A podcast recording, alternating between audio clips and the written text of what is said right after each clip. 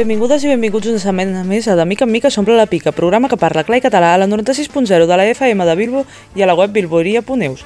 En el programa d'avui, la Roser ens parlarà de les tradicions nadalenques i a l'embruix de les tradicions escoltarem l'última part de les llegendes recollides per Francesc de Sales, Maspons i Labrós. Sense més preàmbuls, comencem amb el programa d'avui.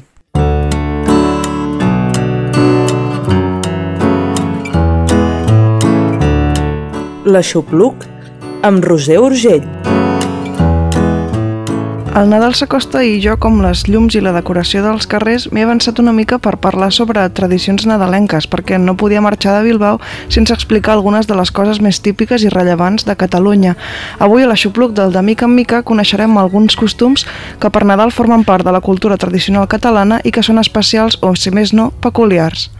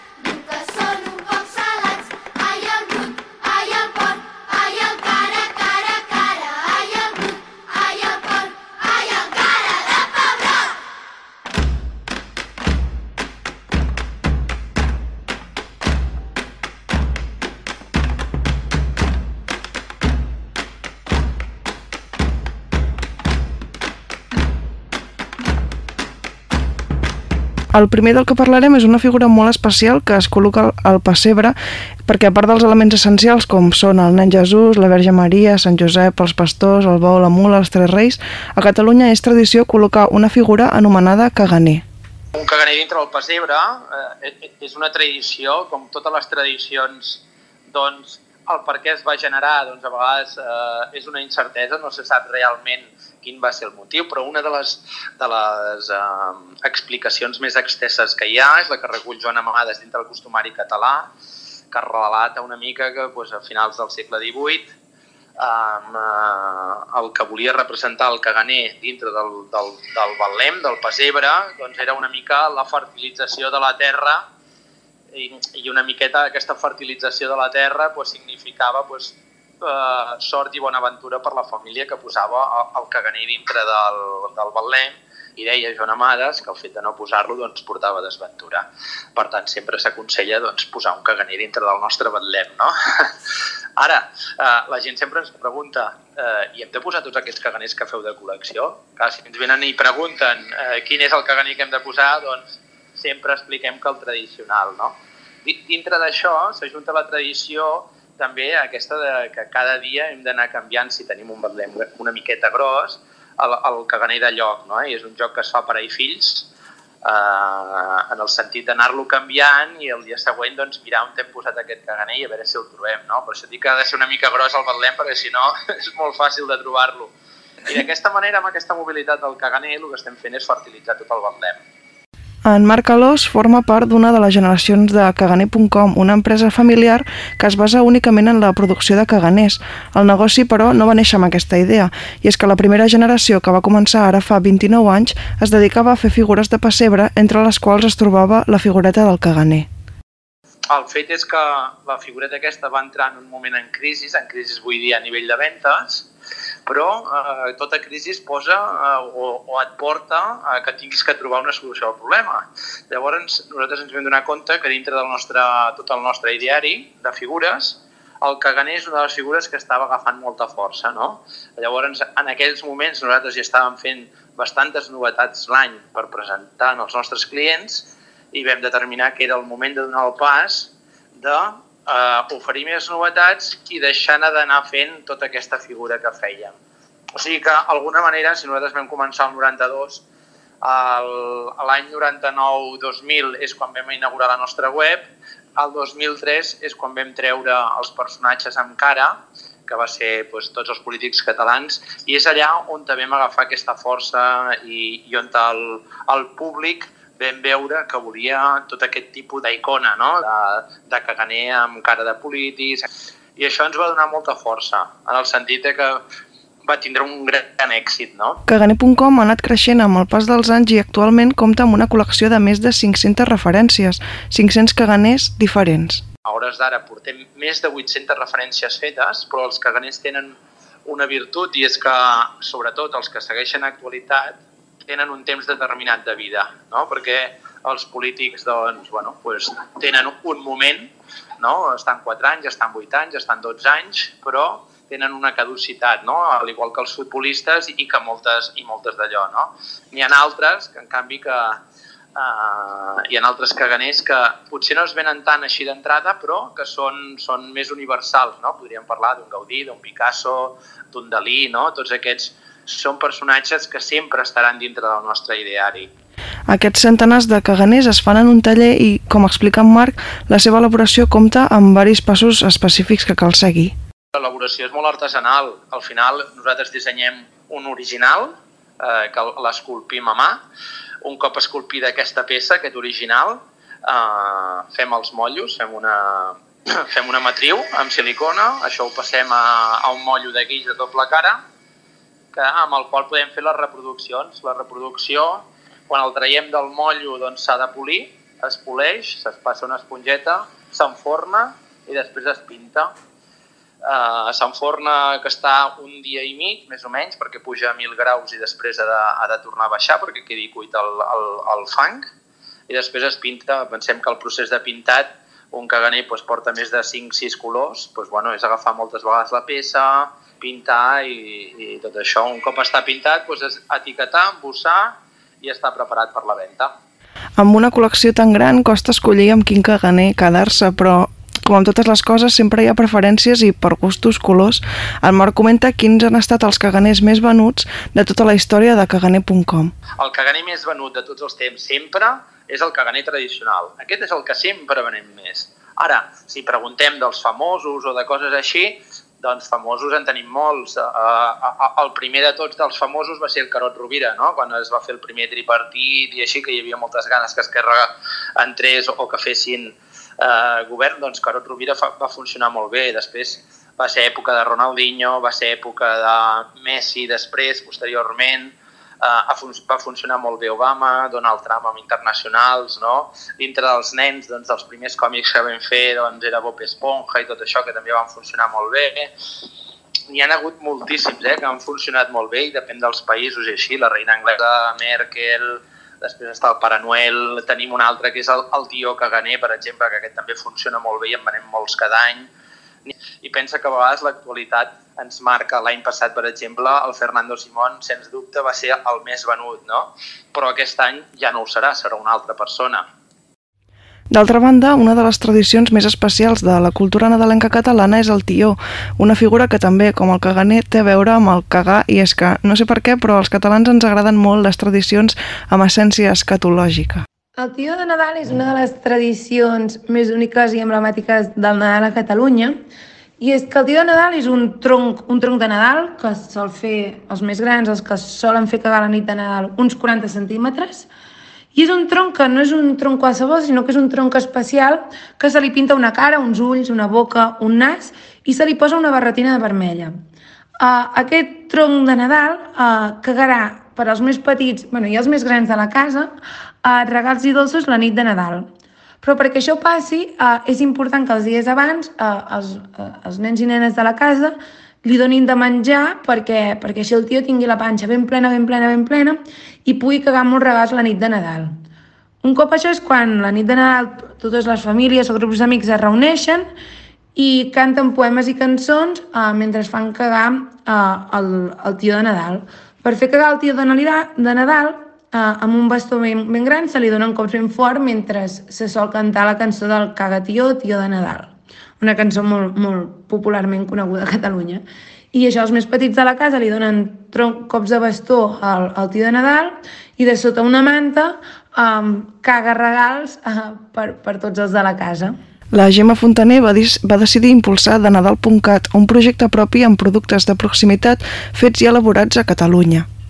De Nadal.cat és un projecte online que venem a través d'internet a tions de Nadal, avets de Nadal i caganers.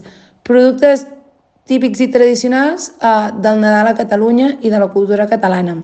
Tenim diferents tions de Nadal, el nostre producte prin- principal, des de tions eh, de Nadal més petits, ideals per a decoració, fins a tions més grans, perfectes per a fer cagar la nit de Nadal. També tenim diferents tipus d'avets i arbres de Nadal, eh, des dels més petits, d'ovinos 50 metres d'alçada, fins a més grans, de fins a 2 metres. També tenim caganers eh, perfectes per a decoració o per, a, per al pessebre. La producció, que aposta per la sostenibilitat, l'ecologia, la proximitat i la qualitat, està pensada per funcionar d'una manera estacional, quan és l'època d'adquirir aquests elements tradicionals nadalencs. Teníem ganes de muntar un projecte propi i sempre ens havia agradat molt el Nadal i vam trobar una oportunitat uh, dins d'aquest sector, sobretot a través de la venda online, que és el que nosaltres ens dedicàvem. Teníem ganes de vendre un producte que fos temporal i que a més a més fos local i de proximitat de Catalunya. I vam trobar una oportunitat dins d'aquest món i, i per això vam decidir començar-hi. I sobretot això, amb caganers, tions i arbres de Nadal. Els productes que venem, eh, sobretot els tions, eh, són fets per artesans de Catalunya, amb, bueno, amb, amb llenya de, de, de zones no protegides ni conservades, i es fan així, eh, bueno, es talla el tronc, eh, se li posen les potes i després és quan se li pinta eh, el, la cara, el nas, els ulls eh, del tio de Nadal i se li posa la, barra, la famosa barretina vermella que també li dona aquest toc especial. I per últim parlarem d'un element molt típic per menjar durant l'època de Nadal i no, no em refereixo als torrons, que podria ser, però en aquest cas estic parlant de les neules. Les neules és una, un postre que podríem dir que es tracta d'un dels postres més antics més antigues de la Mediterrània, perquè té els seus orígens ja, mm, creu, quasi, quasi eh, a Egipte. El que passa que tenim les primeres referències de les neules a la Grècia antiga, ja es donaven com a ofrena a la desa Demeter, que era la desa de l'agricultura, com a ofrena perquè hi hagués una bona collita. O sigui que aquest diria que són unes postes superantigues d'aquí, el nom de neules, perquè prové del llatí nèbula, que vol dir boira, a vegades traduïda com també, amb, potser, amb ambrosia, eh, que seria el menjar dels déus. Imagina't lo llunyà que, que té aquest origen. La Teresa Graupera forma part d'una de les generacions de Casa Graupera, una botiga familiar de l'elaboració de neules artesanes a Mataró. Casa Graupera és una botiga que deriva d'un ultramarins molt antic i ara mateix ens dediquem o ens hem especialitzat moltíssim, moltíssim amb el que són les neules, per lo que són coneguts, però també tenim torrons, galetes, xocolates i mo- moltes coses de temporada. L'origen de Casa Graupera eh, data de fa 126 anys i el fundador va ser el meu besavi, que és Vicenç Graupera, que ell estava treballant en una pastisseria d'aprenent i li encantava moltíssim fer o treballar la xocolata. I aleshores doncs, va posar un ultramarins, aquí és quan neix Casa Graupera, però hi ha molta intenció de treballar la xocolata i cap a principis de segle, del segle passat, va muntar doncs, també una fàbrica de xocolata al marge de la botiga també. Les neules artesanes s'han de fer amb una maquinària especial, el neuler, i la Teresa ens explica com és el procés d'elaboració de les neules. De neules tenim més de 50 varietats. Val? Aleshores, totes són fetes amb productes naturals, de proximitat, i amb receptes molt bàsiques i antigues. S'han modificat molt poc del seu origen. Cada una té les seves, la seva recepta amb una base, que seria, doncs, la base sí que és la farina, diguéssim, la farina amb sucre o no, depèn ja de quina elaboració, i a partir d'aquí, doncs, amb mantega o no, la neula només es pot fer amb un neuler. O sigui, necessitem del neuler per poder fer les neules. El neuler és una, un aparell molt antic que consta de dos plats de ferro forjat que agafa com una temperatura tant al foc, al gas o ara ja els últims a un corrent amb resistències d'una temperatura de més de 190 graus o així. Aleshores eh, posem la pasta de neula dins d'aquests dos plats i té dos plats perquè la missió d'aquests dos plats és deshidratar la massa de la neula. Estem parlant d'una pasta deshidratada que s'hi porta sucre a l'agafar el sucre al punt de caramel li podem donar la forma que vulguem, o si no porta sucre, evidentment queda plana, vale? rodona, que seria l'origen, eh? les més antigues no duien sucre. Les neules, com molts altres productes vinculats al Nadal, es consumeixen de manera estacional, però a Casa Graupera han ideat una manera de poder desestacionalitzar el producte sent dels pocs llocs on es poden comprar neules a qualsevol època de l'any. Tot he de dir que les neules, nosaltres, que som ja la quarta generació, vam apostar molt per la neula i la vam desestacionalitzar creant 26 varietats de neules farcides, que venem tot l'any, més les neules. És a dir, a Casa Graupera sempre hi ha neules tot l'any. Però a part, doncs ens dediquem a el que va començar també el nostre besavi, no? el que són rajoles de xocolata, que en tenim molt, de, molts tipus, i tot el que és galateria, bomboneria, diguéssim que com provenim d'un ultramarins el que fem són més, més aviat productes de llarga caducitat, val? com les antigues confiteries d'abans. I a part fem algun, les diades, que això seria el que seria més... No sempre ho pots trobar, depèn de la diada, si hi ha aquell producte o no. Una curiositat del nom és que, tot i que a Espanya també es diguin neules, històricament es van començar a dir pel nom de barquillos fins avui dia. I evoluciona la paraula neula, a Catalunya queda com a neula i a Espanya també queda com a neula, però hi ha molta gent que li diu barquillo. I, i aquesta paraula barquillo, de vegades la, la gent em pregunta d'on ve, i, i és molt curiós perquè prové de, del nord. Val? Eh, L'evolució de la neula, aquesta plana, la neula medieval sense sucre, evoluciona en diferents formes en diferents províncies.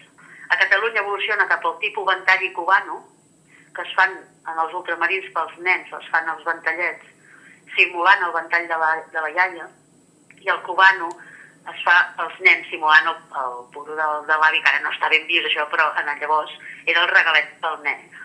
En canvi, el nord evoluciona cap a, no sé si, cap a mitja, és a dir, com si agafessis una, una circunferència i la partissis per la meitat, fan un ventall plegat només amb un sol plec, amb la neula. Aquesta neula, quan la baixen a vendre cap a Madrid, els artesans del nord, eh, li comencen a dir pues, quilles de barco, eh? els hi deien quilles de barco, i d'aquí el nom de barquillo. O sigui, evoluciona, té una forma eh, que se li donaven a la neula. És curiós perquè barquillo no, no es diu en aquí, eh? seria neula, però en castellà també és neula. Com ja hem vist, Catalunya té les seves pròpies tradicions per celebrar el Nadal diferent de com ho fan altres països o regions i al cap a la fi mantenir aquestes tradicions ajuda no només a viure el Nadal d'una manera especial sinó també a gaudir en família de les festes nadalenques. Sempre ens agrada molt el Nadal i a més a més creiem molt important a conservar les tradicions catalanes, ja siguin això per Nadal, per, per Setmana Santa, l'estiu o quan, quan sigui. I en aquest cas, en el nostre cas, hem volgut donar-li un punt addicional d'intentar conservar uh, aquestes, aquesta cultura catalana, sobretot del tió de Nadal, uh, a través de canals digitals.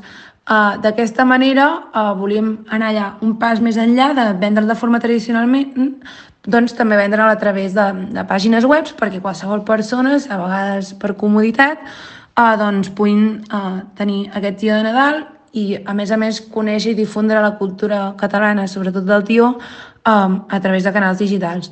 És per això que no només tenim una pàgina web en català, sinó que també hem fet una pàgina web en anglès perquè persones d'arreu del món puguin conèixer aquesta tradició catalana tan única i emblemàtica i, i compartir-la o gaudir-la si, si també els hi ve de gust. Jo crec que les tradicions eh, populars s'han de conservar perquè fan caliu. No sé. Jo crec que fan família, no? també, perquè fas coses amb la canalla, no? de cagar el tió, o així són coses que, que, que, que porten felicitat, per dir d'alguna manera. Eh?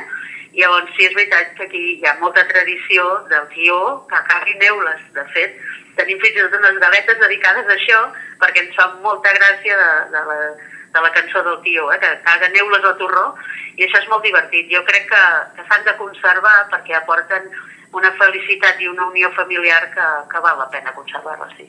jo crec que és maco que arribi una època de l'any en què puguem canviar tot una miqueta, no? Eh, Des de les decoracions del carrer que ens van dient que arriba el Nadal, no? a, a entrades eh, tradicionals com és la presentació de caganers, com és eh, la instauració de les fires de Nadal, com és l'avinguda dels torrons, no? com és el retrobar-se amb molta de família que segurament durant l'any doncs a vegades no tens, no tens molt de temps, perquè avui en dia doncs, tot, tot corre molt i tot va molt ràpid, no?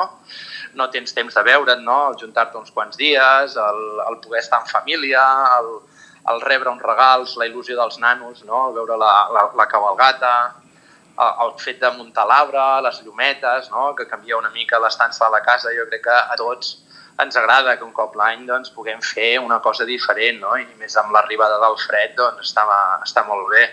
Jo crec que són coses que anirem mantenint amb el temps, eh, perquè, perquè, bueno, perquè a tots ens agrada, perquè tots ho hem viscut des de petits, i llavors quan tens família el que tens ganes també és de transmetre aquestes tradicions per quan ells tinguin família doncs segueixin amb, amb, amb, amb aquesta cultura.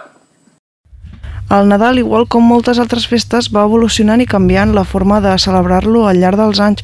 És important, però, que sempre hi hagi presents aquestes petites tradicions típiques del lloc d'origen i que fan sentir la cultura pròpia més a prop. De mica en mica s'omple la pica, un programa per parlar clar i català a Bilboiria i Ràtia.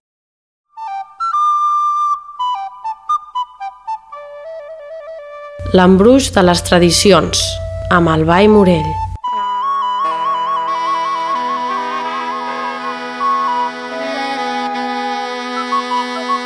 Barba d'or.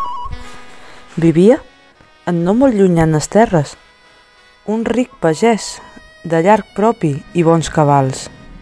Lo qui tenia una filla gentil i bella, com altra no hi hagués en tota la terra, hermosa com una flor del lliri i eixerida com un gínjol.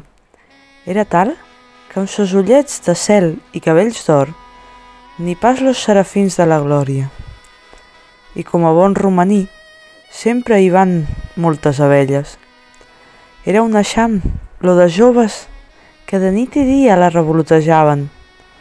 Qui li'n deia, clavellet de mos amors, qui sol de ma vida, qui pensament del meu cor. Així tots li tiraven amoretes, a lo qual ella, de primer, n'era tota vergonyosa com que si l'un color li'n fugia, altre promptament li'n tornava. Més com paraules dolces, sempre bé, a l'orella cauen, ne fou d'elles placenta, i a la fi, a l'orgull donar posada, tant que s'esmaginà lo voler sols per marit a qui barba d'or dugués en sa cara. I veus aquí que era tal la fama de sermosura que de totes terres hi anaven joves a requerir-la. Fins baron i comtes s'hi atensaren, més per tant que feren, res van poder aconseguir-ne. De braus i artits cavallers no cal parlar-ne. Es diu, fins i tot, d'un príncep que ni oferir corona i joies, ni tan sols se'ls escoltava que com cap ne duia barba d'or, cap n'era prou per ella. Per això, tots, jovencels i comtes, barons i cavallers, amb ànima dolorida, se'n tornaven, que greu pena i dolor era no poder-ne plegar la més escollida flor del jardí de la terra. Més esdevingué un dia que arribar a les portes de sa casa un jovenet tan ple de tresors i joies quedava goig tan solsament de veure. I era de cos gentil i figura hermosa, i així és clar, en lo entendre, com a vinent d'en la paraula, i de tal continent i presència, com que ningú fora per contar totes les gràcies que en ell tenia posades. En parol, la de més preu era una barba tota d'or. Per cert, que era tot ell meravella, i així fou com tan bon punt l'hagué vist la noia, que tot d'una se n'agradà d'ell i li mostrà molta d'amor, cosa la qual li regracià lo jove tal com devia i començà a galantejar-la. No semblava sinó que jugaven els dos a la tira torna moretes, que era gust lo sentir-los escometre, i anar a lo pare a dir-li Fes mercè de la seua filla, pues molt era jo lo que ells em volien. I lo pare, En fou content. Per això se'n tractaren bodes i se feren, i una volta celebrades, pres comiat del pare, se n'anaren ambdós vers lo palau del jove, que no era sinó un dels prínceps més poderosos del regne. I a prop d'ell isqué a rebre'ls una gentil música, i amb ella molts de patges i donzelles, tots amb riques vestimentes, los quins se mostraren ben joiosos d'haver per mestressa i jove a tan gentil senyora. I lo palau. Era tot de crestall, que s'hi reflectien nit i dia llums i estrelles, i era en ell tot lo seu punt, que res hi mancava, sobretot en la cambra del noviatge, a on, com a més volgut present, hi trobà la joveneta, una filosa, tota d'or amb lo seu fus de plata, de la qual se n'agradà la donzella, i tan bon punt fou sola i començà a filar brins d'or i seda, i fila que filaràs, i fila, fins que distreta li caigué lo fus en terra, i com lo palau era de crestall i d'una sola peça. Tot d'un cop s'esbarlà mil bocins i miques i per l'esborrany que es feu en terra i vegé la nina a lo seu espòs entremig de roges flames que amb sos cavalls i cavallers dins de l'infern la reclamaven amb grossos crits de mofa i ràbia.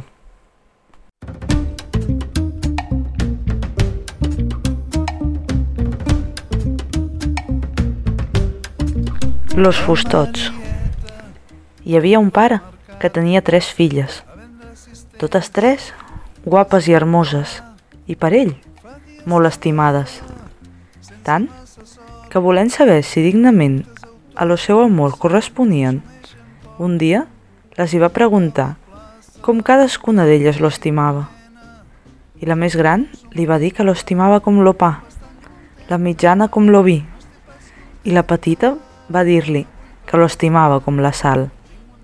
De qual resposta no fou molt renutjat lo pare, per tenir a la sal com a poca cosa, i manà a los seus criats que immediatament l'agafessin i la duguessin a matar-la, mostrant-li després com a compliment de ses ordres una ampolleta de sang i el dit més gros del peu. Més los criats ne tingueren molta de llàstima. Agafaren una gallina que la sé al mig del bosc mataren, ompliren de sa sang l'ampolleta, llevaren lo dit a la noia i la deixaren tota sola. Llavors, ella se'n va anar. Tot caminant arribar a una pagesia, en la quina la prengueren per guardar les oques, i li en feren uns socs i vestit de trossets de fusta, que per això l'anomenaven la Fustots. Més ella en tenia d'amagat un tot d'or i plomes de canari, i cada vegada que anava a guardar les oques, se'l posava, i les oques descobrien tot arreu, posant-se a cantar seguda. Oc, oc, oc, la Fustots du vestit d'or.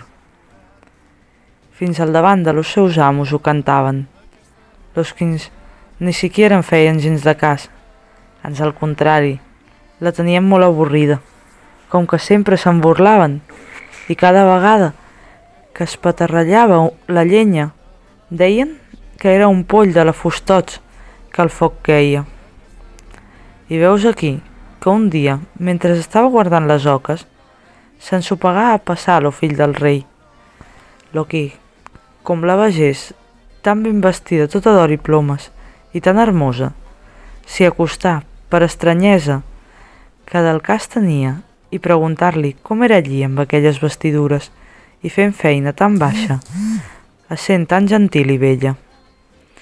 I la noia li contà com l'havien treta de casa seva per la resposta que havia dada, i ho feu amb tant dolor i senzillesa que el príncep se n'agradà i se l'endugué a lo palau dels seus pares.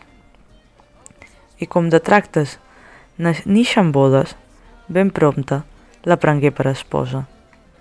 i el dia que foren celebrades, convingueren en convidar el pare i a les germanes de la noia, arreglant-ne-lo dinar, sense gens ni mica de sal en la vianda. Veus aquí que els pares hi anaren amb molta estranyesa de part seva de veure's convidats, pues que res ne sabien, i quan foren a l'hora del dinar, fou servit a la taula un plat que ningú el pogué menjar-ne, per fat que n'era. A la C, el segon plat, tampoc ningú va menjar-ne. Vist lo qual, lo príncep preguntà al pare de la noia què li semblava la vianda, i si no tenia gana, que la deixés tota. I encara que lo pare no gosava dir-ho, per respecte que tenia, a fi, explicar que era perquè tot trobava la vianda tan dolça que semblava que no haguessin tirat gens de sal a l'olla. A lo qual va respondre lo príncep que ben bé podia ser, més que com a la seva esposa l'havien treta una vegada de casa seva i fins manat matar-la perquè havia dit que com la sal estimava lo seu pare, ell havia cregut que no devia posar-ne la vianda, pues que segons parer de lo dit pare, no era cosa gens necessària.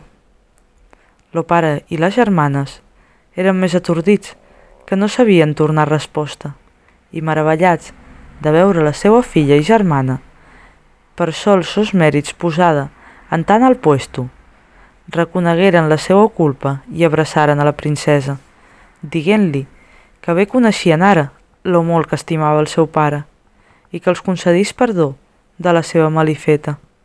La noia, amb llàgrimes als ulls, los hi mostrà quan era el seu amor i foren tots molt contents i feliços que tothom ne rebé alegria.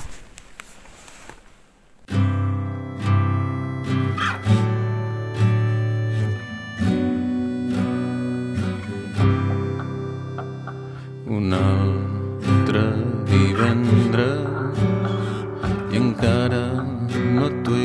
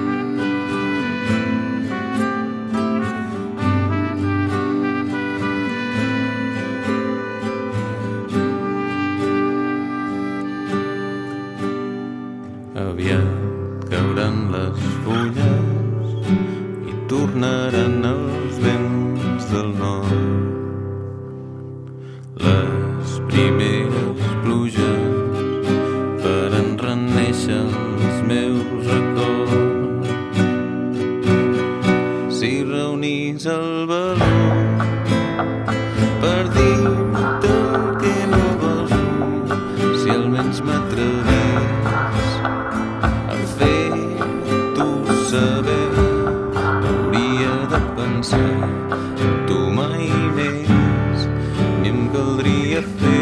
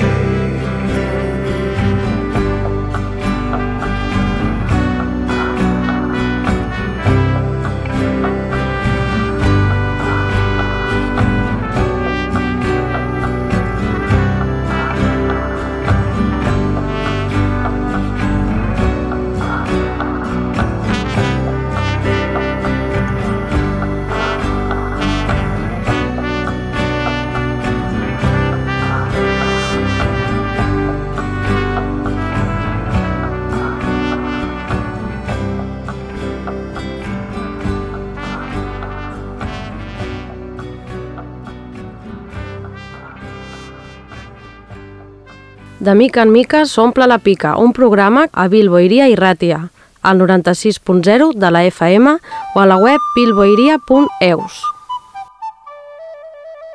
L'embruix de les tradicions, amb el Ball Morell. La gàbia d'or. Un pare s'era agradat tant de la seva filla que deslliberà de casar-se amb ella, lo qual portava tan temerosa la casta honestitat de la noia, com a fins fent torta natura, d'ell se n'apartava, i son filial amor li atanyia.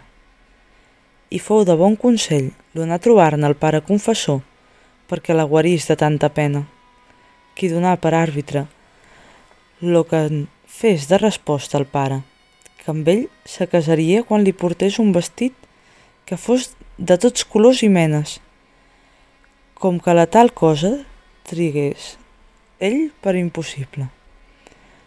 Lo pare caça que caça tot el lo dia i tot lo dia al bosc que mai parava, fins que per atzar de fortuna n'ha caçat de tots ocells i amb ses plomes ne feu un vestit de tots colors mostrava.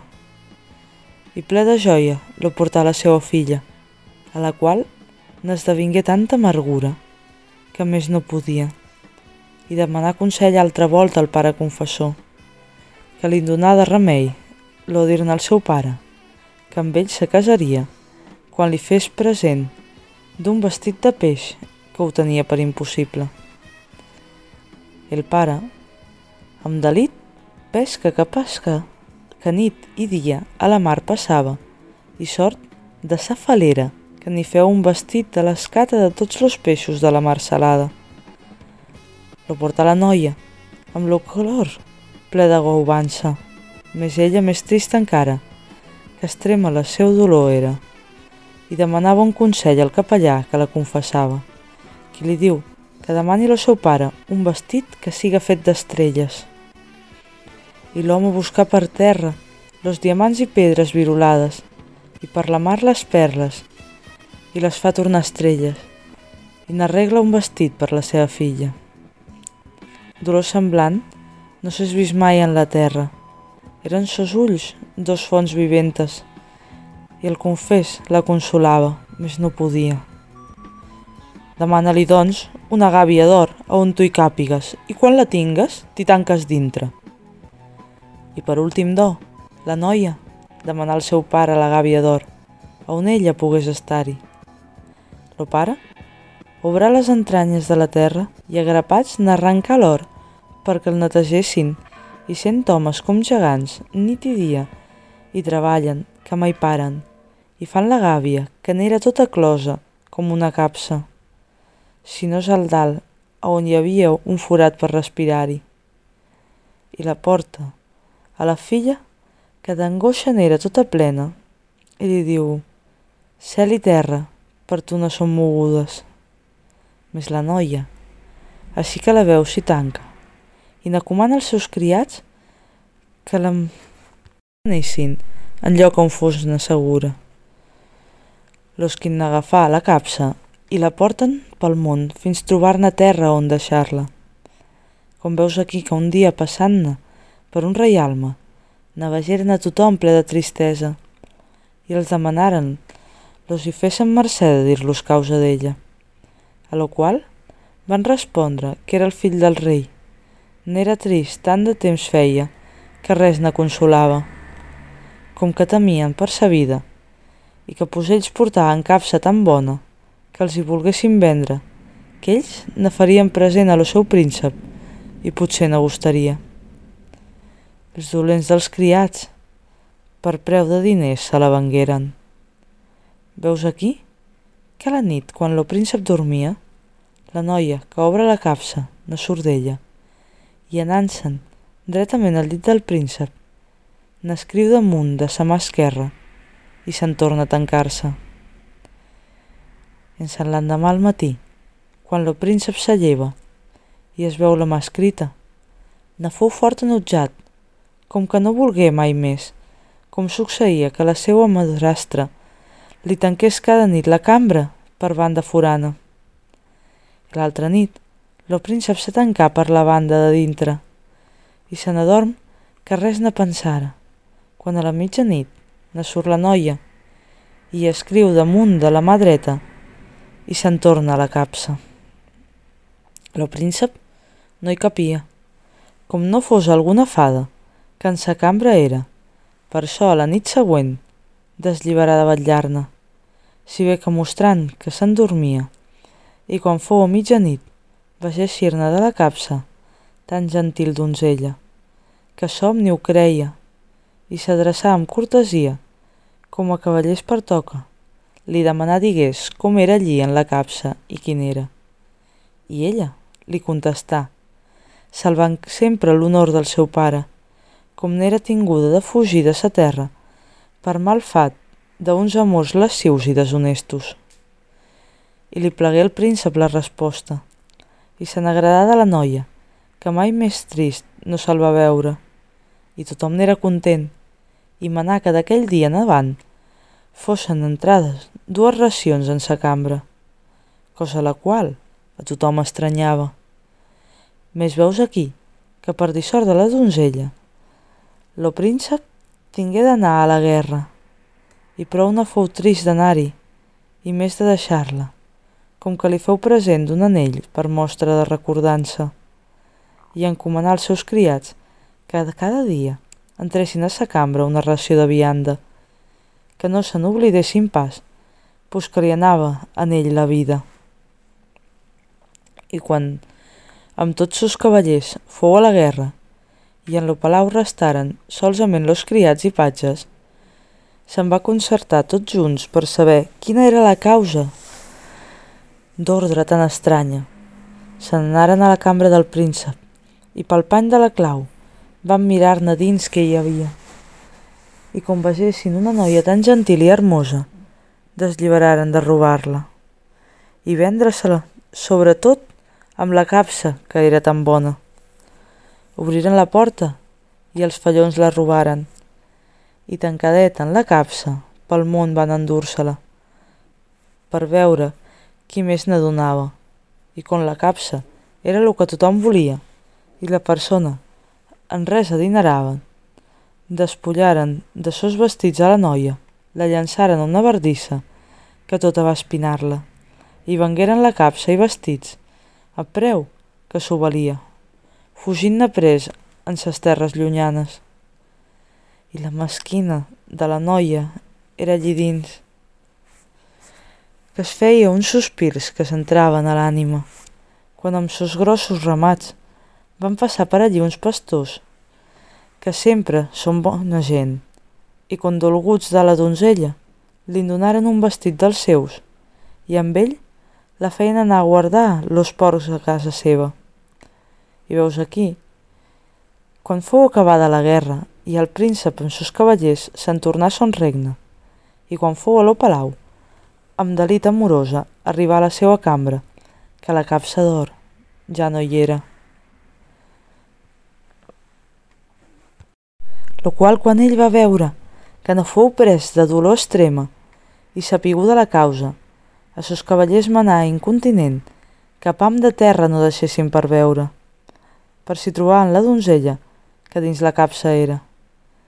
I els comanà la llestesa, i els digué senyals de sa figura, i tots s'escamparen per la terra, més en part ni partida la trobaren. I el príncep ne restà trist, que mai parava de plorar-ne, i semblava que es moria tant, que el seu pare ordenà que fos veus de pública criada. Oferint tota riquesa que trobés manera de tornar-ne al príncep l'alegria. I los pregoners del rei anaren per poblats i viles, que un dia, en la muntanya, ne sentí la veu la porcarola, i de seguda, preveient-ne cura, llicència va demanar als seus amos si dar-li volien d'anar-ne a consolar el seu senyor i príncep més los senyors pastors, la tingueren per al·locada.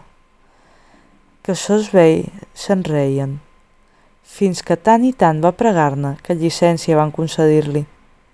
I ella, que se'n va anar tota sola, a hiverna, per eixos mons de Déu, travessant neus i pluges, cap al palau, que en cap manera volien deixar-la entrar. I ella, perfidiejant, digué com sols al príncep li deixessin veure, que content ne fora, i ho van fer-ho, més lo príncep no va moure, que quasi un mort semblava, i ella que s'hi atensà amb tot lo recato, i li mostraren ell que era del seu voler prenda, i així que ho veu lo jove, cobra esperit i vida, i ple de joia la prenen ella en sus braços, i la mostra a tothom, com a la seva promesa esposa. La feu vestir com li pertocava, i s'alçaren a vol les campanes, i se'n feren torneigs i justes i lluminàries, i festes, i quan bodes foren tractades, s'emmullarà amb ella, que per sa virtut reina i senyora fou de tota la mar i terra.